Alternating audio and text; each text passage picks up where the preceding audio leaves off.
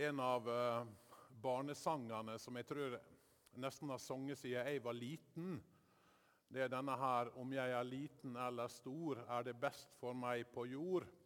Å følge Jesus til å gå den vei han vil, det er det som gjør meg lykkelig. Kjenner den? Det er jo en sang som jeg begynte å tenke på da jeg satt og forberedte preika her.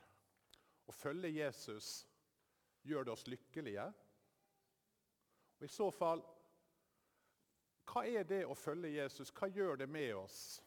Hva betyr det i så fall å være lykkelig? At vi slipper problem? At vi slipper motgang? Bekymringer? At det går bra med barna våre og barnebarna våre og de vi er glad i? Det er en tysk prest som heter Dietrich Bonhoeffer. Han har skrevet kanskje den mest kjente boka om etterfølgelse, det å følge Jesus. I den boka så skriver han ei setning Når Kristus kaller på et menneske, sier han 'Kom og dø med meg'. Og Det er hans utgangspunkt for denne boka om å følge Jesus. Kom og dø med meg, sier Jesus. Ta ditt kors opp, følg meg. Den som mister livet sitt, skal berge det. Er det sånn det er? Hva er det Jesus mener når han sier 'følg meg'? Bli en disippel av meg. For teksten i dag er jo at Jesus kalte disipler. Peter var antagelig den første. Han som hette Simon, og som fikk et nytt navn da han gikk inn i følge med Jesus. Fra nå av sa Jesus, skal du hete Peter, klippen. Hva betydde den avgjørelsen Peter tok denne dagen der ved Genesaretsjøen? Forlot alt og fulgte Jesus. Hva betydde den i Peters sitt liv? Jo, den betydde helt sikkert masse spenning, masse flott Masse utrolige opplevelser, men også motgang, fengsling, og til slutt ble han drept, korsfesta med hodet opp ned i Roma fordi han fulgte Jesus. Av og til så tenker jeg at vi som kristne kanskje har snakka litt sånn enkelt og lettvint om det å følge Jesus. Vi sier ja, 'kom til Jesus, følg han, det er det beste'. Det er fantastisk. Du blir glad. Det å følge ham det gjør deg lykkelig.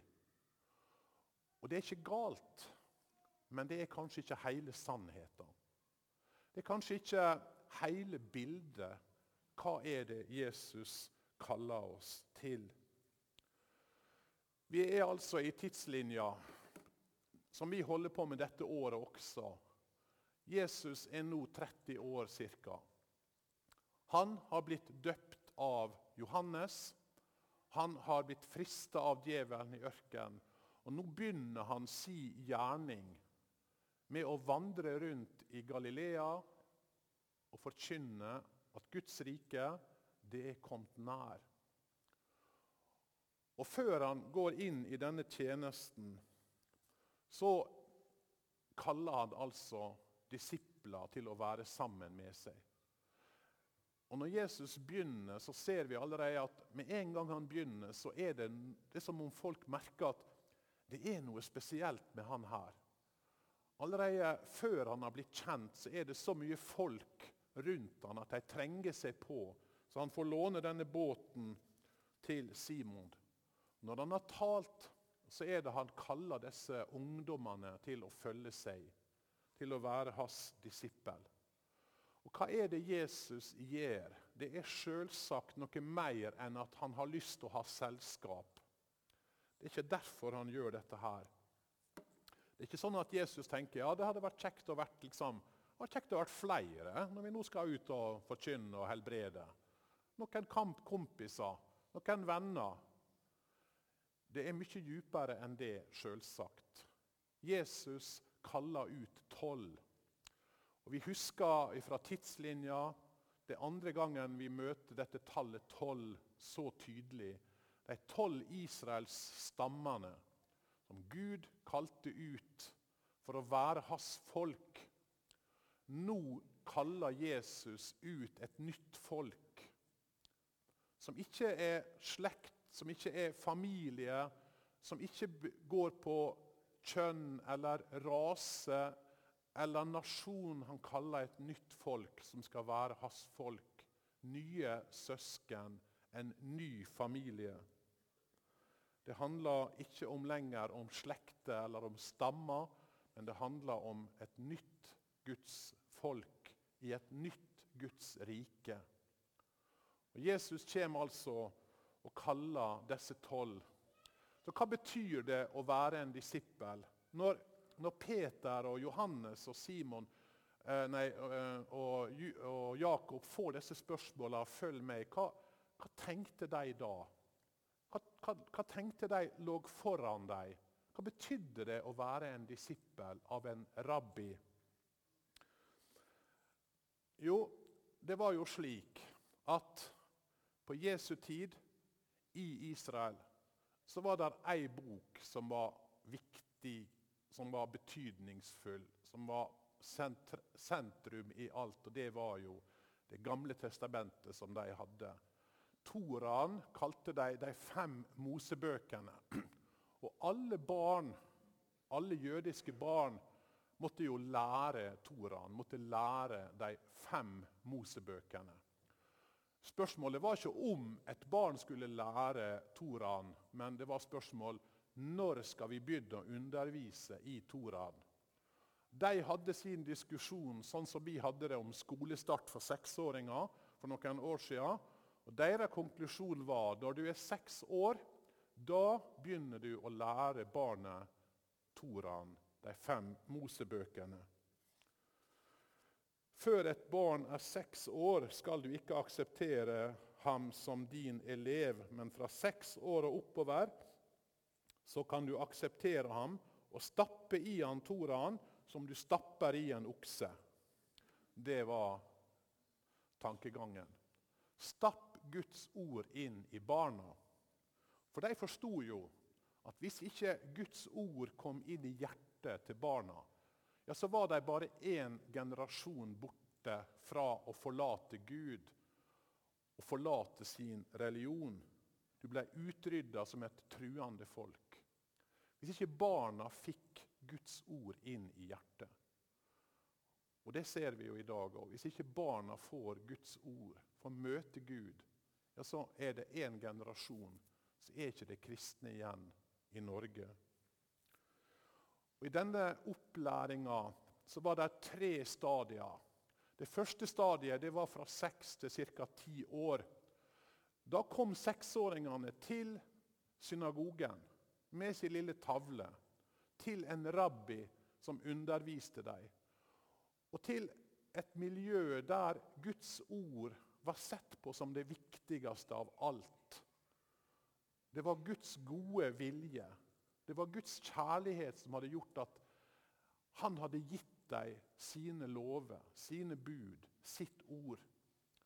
Og så lærte disse seksåringene de fem Mosebøkene utenat. Så når de var ca. ti år, så kunne de de fem første bøkene i Bibelen utenat. Det neste stadium, De fleste ble med på neste stadium, som var fra ca. 10 til ca. 14 år. Hva gjorde du i det stadiet? Jo, da lærte du resten av Det gamle testamentet utenat.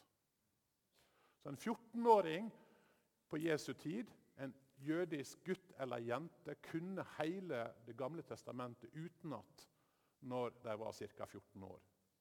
Så tenker du ja, det var andre tider, det. Ja, det var det, men tolvåringer kan hele filmer utenat. Lagt merke til det?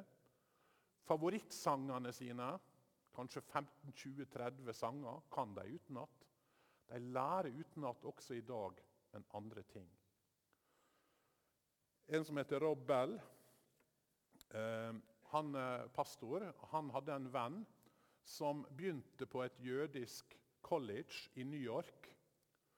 Og han var den eneste kristne på dette colleget. Og han fortalte til Rob Bell at han oppdaga at han var den eneste på hele colleget. Alle andre var jøder. Han var den eneste på colleget som ikke kunne hele Det gamle testamentet utenat. Du lærte det fordi du skulle ha det i hjertet. Og så, når du er ca. 14, så skjer det noe 13-14, så skjer det noe interessant. For nemlig de beste, de flinkeste av de flinke, kunne gå videre til et tredje stadium. Fordi de ville fortsette for sjøl å bli rabbier. For det var toppen av utdanning, det var toppen av status å bli en rabbi. Den mest prestisjefylte jobben var ikke å være professor på NTNU. Det var heller ikke å være direktør i Statoil. eller sånne ting. Den mest prestisjefulle jobben på den tida var å være en rabbi. Det var en hver jødisk gutt sin høyeste drøm. Tenk om jeg kunne få bli en rabbi. Og Hvis du var den beste, hvis du var liksom helt på topp, så ville du gå til en rabbi og så ville du spørre kan jeg få være din disippel. Kan jeg få lære av deg? Jeg vil følge deg slik at jeg kan lære av deg. Ta ditt åk på meg. Bli en sånn som deg. Og Denne rabbien han ville jo da sjekke deg ut. Han ville vite om du virkelig kunne Det gamle testamentet utenat, selvfølgelig. Forlengs, baklengs. Han ville teste deg, og han ville tenke Kan han bli sånn som meg? Har denne gutten det som trengs? Har han det som trengs for å kunne gjøre det jeg gjør? Og være sånn som jeg er? Og Ofte sa han nei, du har ikke det i deg. Dessverre. Og Så måtte gutten gå da og bli noe helt annet en snekker eller en fisker, eller hva det var som var alternativet. Men hvis denne rabbien så jo, denne gutten har det kanskje i seg, så ville han si til denne 14-15-åringen følg meg. Og så ville denne 14-15-åringen bli en disippel av denne rabbien og vandre sammen med han. Forlot, forlot da familien, forlot alt for søsknene du fulgte rabbien. Og alt rabbien gjorde, det gjorde du. For det var ikke snakk om at rabbien ville si ok, kom hit på tirsdag, torsdag og fredag, så skal jeg lære deg noe. Nei, du fulgte han hele tida. Hele døgnet. Hvis rabbien gikk forbi et tre og plukka et blad og putta det i munnen og spiste det, så gikk du bak, og så plukka du et blad, og så spiste du. Det rabbien gjorde, det gjorde du. Du ønska å gjøre det han gjør. Når han ba, så ba du de samme bønnene. Du ønsker å studere som han, gå sånn som han, leve sånn som han, snakke sånn som han. Det er et jødisk ordtak, en jødisk velsignelse. Og Den er slik Måtte du bli dekka av støvet fra din rabbi. Hva betyr det? Jo, måtte du følge rabbien din så tett at støvet dekker deg. Så hva skjedde her når Jesus kaller disipler? Jo, her er det noen jødiske ungdommer som altså ikke er gode nok til å bli disipler av andre rabbier. For de hadde blitt fiskere isteden. De hadde blitt tollere, de hadde blitt forskjellige yrker.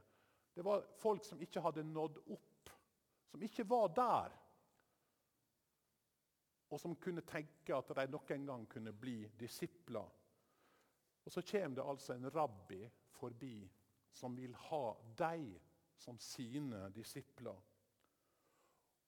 Og jeg tenker, Vi lurer liksom på ja, ville Peter disse her forlate alt og følge Jesus. Du må snu på det. Tenk deg for en drøm. Her er det en rabbi som vil ha meg som disippel. Det er som om en 15-åring på Malvik idrettslag får et tilbud om en tiårskontrakt med Manchester United. Han setter seg på flyet. Det er drømmen. Disse var 12, 15, 16, 17, 18-åringer som Jesus kalte. Kanskje Peter var litt eldre siden han var gift. Men her snakker vi altså om videregående ungdom, som Jesus kaller. Og Det Jesus gjør, er at han utruster disse ungdommene, enkle ungdommer. Ikke de smarteste blant de smarte, ikke de klokeste av de kloke. Men disse ungdommene drog ut og forandra verden. Og Det er derfor du og jeg sitter her i dag. For det var altså et slags B-lag Jesus kalte. De ingen andre rabbi ville ha. Han kaller disse her alminnelige, midt på treet ungdommene til å følge seg, til å bli hans disipler. Og det er altså syndige mennesker. Jeg vet ikke om dere la merke til det i teksten. Fordi da Peter oppdager hvem denne rabbien er, så faller han ned og så sier han, 'Gå fra meg, jeg er en syndig mann'. Akkurat sånn som vi husker kanskje Jesaja, da Gud kalte på Jesaja i tempelet, som vi hadde i, i fjor. Så sier han, 'Ved meg, det er ute med meg', for jeg er en mann med ureine lepper, og jeg bor blant et folk med ureine lepper. Når mennesker møter den hellige Gud, så ser de jeg er en synder. Jeg kan jo ikke følge Han. Men så er det det at Jesus nettopp bruker syndige mennesker. Det er nettopp det Jesus gjør. Han reiser opp syndige mennesker og sier, 'Du kan følge meg. Du kan være en disippel. Du kan bli sånn som meg.' Og Peter fikk en helt annen retning for livet sitt enn å fiske. Han fikk redde mennesker fra mørket, fra fortapelse, fra djevelen, fra døden. På slutten av sitt liv da skriver han jo også to brev, Peter, som vi har i Det nye testamentet.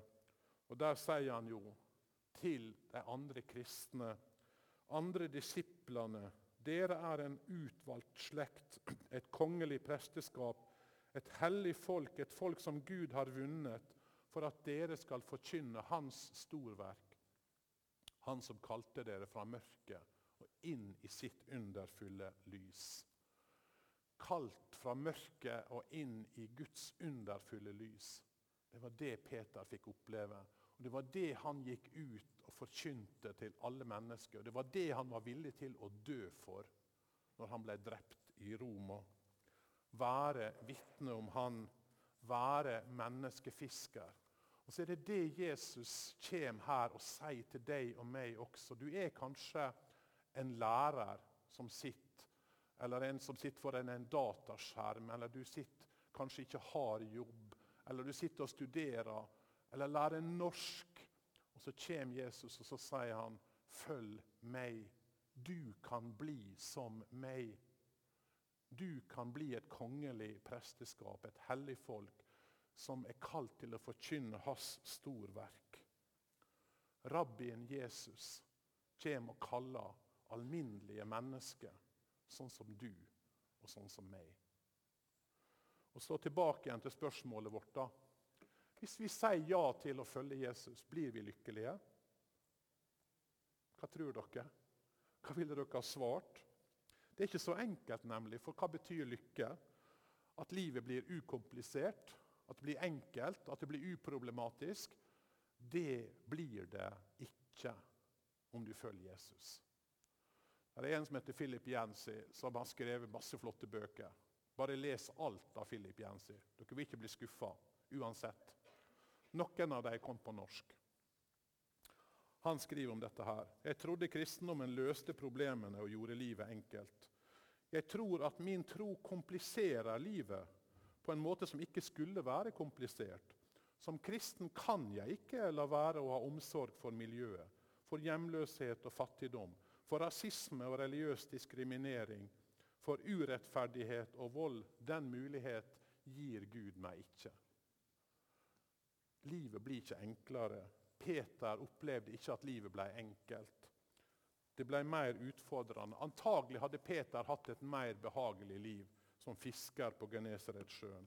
Hadde spart han for mange lidelser, for mange konflikter, for mange utfordringer. Han hadde kanskje blitt en gammel mann pensjonert fisker som satt ned med sjøen.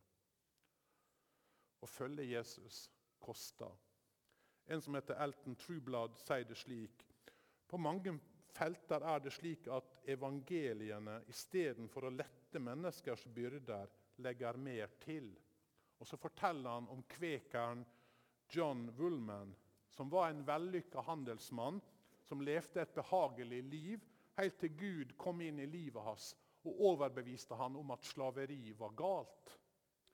Og Woolman han ga opp sin vellykka handel. Han brukte alle pengene sine på å kjøpe fri slaver. Han gikk rundt i klær som ikke hadde farge, for han ville ikke bruke stoff som var produsert av slavearbeidere. Han reiste til fots i solidaritet med slaver som ikke fikk lov å sitte på med vognene. Han avsto fra å ete sukker, rom, melasse og andre produkt av slaveriet. Og Pga. han så var det i 1787 ikke en eneste kveker i USA som eide en eneste slave. Kosta det? Kosta masse. Jesus inviterer oss inn i et annet slags liv. Vi kjenner godt dette verset. Ikke sant? Matteus 11, 28. Kom til meg, alle dere som strever og bærer tunge byrder, og jeg vil gi dere hvile. Er ikke det et fantastisk vers? Nydelig. Men vi stoppa jo der. Men sa Jesus noe mer? Eller stoppa han der? Nei, han sa litt til. Ta mitt åk på dere, og lær av meg. For jeg er mild og ydmyk av hjerte. Så skal dere finne hvile for deres sjel. For mitt åk er godt og min byrde lett. Ta mitt åk på dere. Å finne hvile det betyr å ta opp et annet åk, nemlig Jesu åk. Når en ungdom ble disippel, så gikk han inn under denne rabbins åk, under hans lære. Og Det er det Jesus kaller oss til. Gå inn under mitt åk, for mitt åk er godt, og min byrde er lett. Ta ditt kors opp, sier han. Følg meg. Mist livet ditt. Du skal finne det. Bonhoffer, som jeg begynte med, sa det. Jesus sier, 'Kom og dø med meg'. Oppgi ditt eget Oppgi dine egne ambisjoner, dine egne drømmer. Gå inn under mitt åk, for mitt åk er godt, og min byrde er lett. Og Det er her vi roter det til, da, tenker jeg. Jeg roter det til, for jeg tenker jeg ønsker meg en Jesus som skal komme inn i livet mitt og løse mine problemer. Gjøre livet enkelt for meg, gjøre det behagelig, gjøre det godt. Og Så kommer Jesus inn i livet, og så roter han det til og så utfordrer han meg, og så kaller han meg, og så ber han meg om å gjøre ting som ikke nødvendigvis er så behagelig. Han skaper uorden, han snur opp ned på våre drømmer om velstand, om fred, om avslapping. Philip Jens sier et sitat til fra han. Jesus tilbyr en fred som innebærer nye opprør, en hvile som innebærer nye oppgaver, en fred midt i krigen, en ro midt i frykten, en tillit midt i tvilen.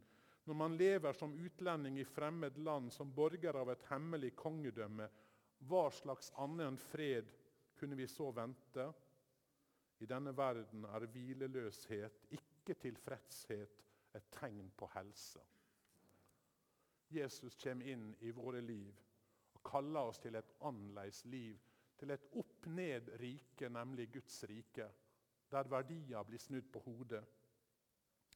Denne dagen møtte han noen fiskere som hadde strevd hele datta, ikke fått noe. Og Så står der altså en på stranda og sier 'kast ut garnet på andre sida'. Hvem er denne snekkeren som prøver å lære slitne og trøtte fiskere å fiske? Simon kunne jo ha snudd ryggen til.